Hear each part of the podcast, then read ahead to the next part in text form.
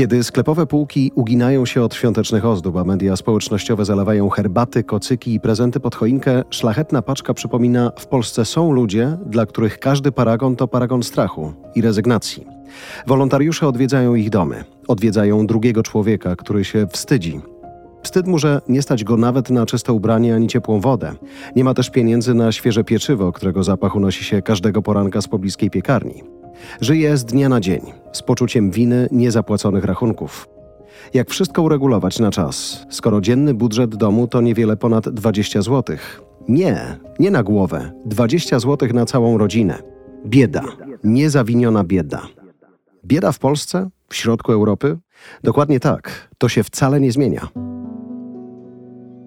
Nie zmienia się, nawet bym powiedziała, że nie jest wcale lepiej, bo w stosunku do zeszłego roku liczba dzieci żyjących w skrajnym ubóstwie i liczba seniorów żyjących w skrajnym ubóstwie wzrosła o 40 tysięcy. Czyli to są osoby, które mają mniej więcej 800 zł i mniej na wszystko. Jak ktoś mieszka w dużym mieście, to wie, że wynajęcie mieszkania w Warszawie, Krakowie, Gdańsku, Wrocławiu to jest w ogóle niemożliwością przy normalnych zarobkach. A co jeżeli ma się po prostu emeryturę, ma się 70 kilka lat, nie dorobiło się własnego mieszkania i zwyczajnie nie ma się jak dorobić? To jest przerażające, że bardzo często słyszę w tym roku, że nie dojadam, jestem głodny.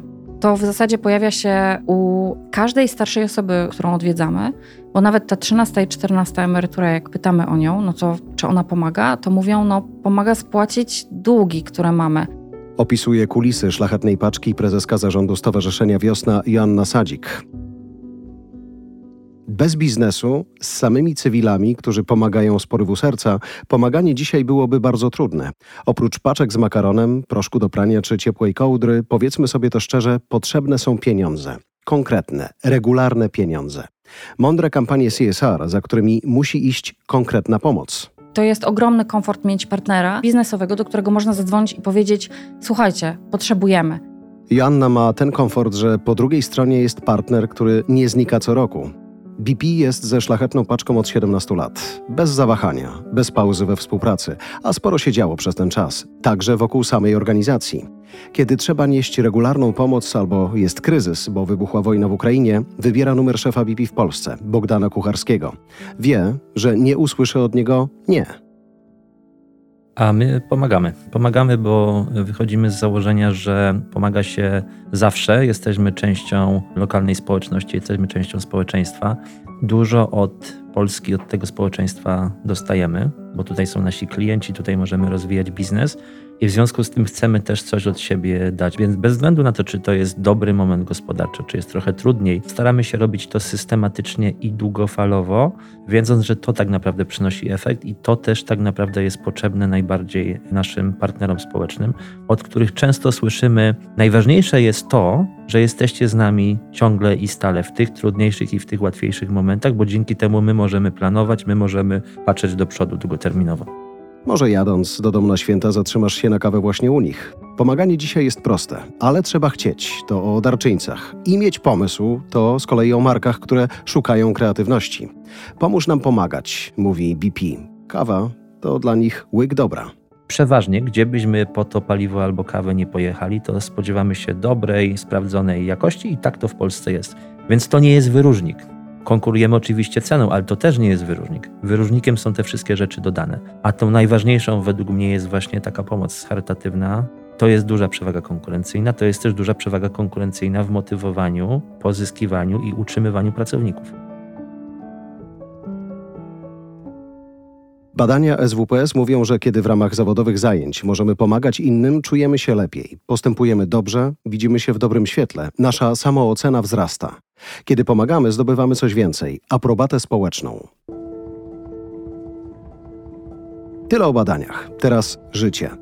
Kiedy ktoś zaprosi nas do wolontariatu, wchodzimy cali do silnej społeczności. Jesteśmy jak plemię, naznaczeni charytatywnym celem albo, jak to mówią, wspólną pasją. Daje nam to poczucie bezpieczeństwa i sprawstwa. I społeczne wsparcie też. A jak takie działania CSR widzą najmłodsi pracownicy, ci z pokolenia Z? Na pytanie badaczy, co najwyżej cenisz w swoim miejscu pracy, Zetki otwarcie mówią, że ważna jest dla nich społeczna odpowiedzialność organizacji. Oczywiście nie powiedzą tego wprost, słowo do słowa, ale chcą pracować w miejscu, gdzie firma przyczynia się do zrównoważonego rozwoju, w tym dobrobytu i zdrowia społeczeństwa. Uważa tak blisko połowa badanych. Możemy zapomnieć o czasach lojalności i posady na lata. Dziś 94% wszystkich pracowników jest gotowa rzucić obecną pracę. Czy akcje charytatywne są dobrym magnesem do pozyskania talentów? Prezes BP Bogdan Kucharski. Zdecydowanie tak, bo ci ludzie oni szukają już nie tylko korporacji zachodniej, bo tych jest pełno. Oni szukają innego doświadczenia w ogóle, również takiego poza właśnie zawodowego, pozafirmowego i takie właśnie pomaganie, możliwość pomagania, to nas rzeczywiście różnicuje na rynku. To pomaga ludzi przyciągać. Skoro już jestem przy pracy, mam do Ciebie pytanie. Czy chcesz zarabiać dobrze, za dobrze wykonaną pracę? W raportach employer brandingowych ostatnich lat teza jest taka sama. Godziwe wynagrodzenie jest pierwszym, co się liczy, decydując się na pracę. Tak więc, czy pracownicy Stowarzyszenia Wiosna powinni zarabiać mniej, skoro niosą pomoc ubogim? To dzięki nim szlachetna paczka dalej działa chcąc mieć najlepszych specjalistów, a chcemy się profesjonalizować i, i, chcemy być najlepsi, też musimy im po prostu godnie za tą ich fantastyczną pracę płacić. No i żeby zarządzać armią 15 tysięcy wolontariuszy w Polsce, po prostu trzeba mieć najlepszych. Ja tych najlepszych mam.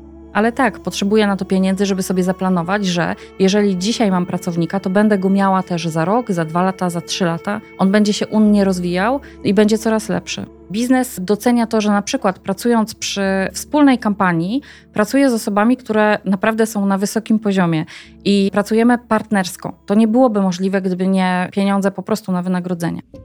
Pieniądze na konkretny cel, konkretne miejsce, konkretne zrozumienie potrzeb. Szlachetna paczka co roku podkreśla: pomagajmy mądrze. Wolontariusze specjalnie przychodzą do zgłoszonych rodzin. Muszą porozmawiać i lepiej poznać potrzebujących. Wtedy widzą, że na przykład pani Helena potrzebuje grzejnika, ale i nowego okna, bo przez rozszczelnione okiennice ciepło z kozy ucieka w kilka minut. Dobrze byłoby wyprać także jej sweter, który zarzuca zimą na zgarbione barki. Nosi go codziennie. To tylko jedna z tysięcy historii ubogich ludzi. Prawdziwa historia pani Heleny. Nauczycielska bieda jest bardzo surowa. Robi trudne egzaminy z ekonomii. Uczy naprawiania własnymi rękami, kapiącej rury, lodówki czy dachu. Nie przyjmuje wymówek bolącej głowy. Wywołuje do tablicy, nawet w czasie choroby. Trzeba sobie radzić, żeby przeżyć. Na szczęście są także ludzie, którzy mają wystarczająco i mogą się podzielić. Paczki wędrują do rodzin poprzez ręce wolontariuszy, ale no, wiemy, że w tym roku chcemy odwiedzić 25 tysięcy domów i zobaczymy, gdzie będzie potrzebna szlachetna paczka, bo tak naprawdę te ostateczne liczby my poznajemy dopiero w niedzielę, w weekend cudów, dlatego że tam, gdzie szlachetna paczka nie jest potrzebna, to nie włączamy tej rodziny, ale próbujemy jej pomóc na inne sposoby. Czasem jest to doradztwo prawne, czasem medyczne, czasem w ogóle kontakt po prostu z osobą z pomocy społecznej, która na przykład pomoże załatwić dom pomocy społecznej, bo ktoś po prostu sobie nie radzi i nie będzie już lepiej. To czasem jest po prostu powiedzenie, gdzie szukać lekarza. Czasem podanie informacji, bo ludzie wykluczeni cyfrowo tak naprawdę są odcięci od informacji. Niezależna instytucja zbadała efekt szlachetnej paczki i wiemy już, że dla blisko 90% osób, które w zeszłym roku otrzymały paczkę, ta warstwa emocjonalna drugiego człowieka, który przyszedł, powiedział: Ktoś cię zauważył, ktoś cię zgłosił, a teraz my z tobą porozmawiamy. To co u ciebie słychać? Co ci jest potrzebne? Bardzo często słyszymy: Słuchajcie, jesteście pierwszymi ludźmi, którzy w ogóle pozwolili mi mówić, co mi jest potrzebne, a nie po prostu wręczyli pomoc żywnościową.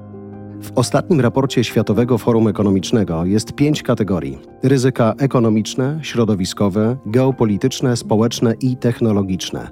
Za najważniejszą w kolejnych dwóch latach uznano kwestię społeczną rosnące koszty życia. Marki głośno mówią, że idą w stronę celów zrównoważonego rozwoju Narodów Zjednoczonych. Hashtag Sustainable Development. Brzmi dumnie, prawda? I jest z czego wybierać. 17 celów. Cel pierwszy wyeliminować ubóstwo we wszystkich jego formach na całym świecie. Szlachetna paczka pomaga ludziom mniej zamożnym. Robi to transparentnie, wie, że w Polsce mamy niskie zaufanie do organizacji społecznych.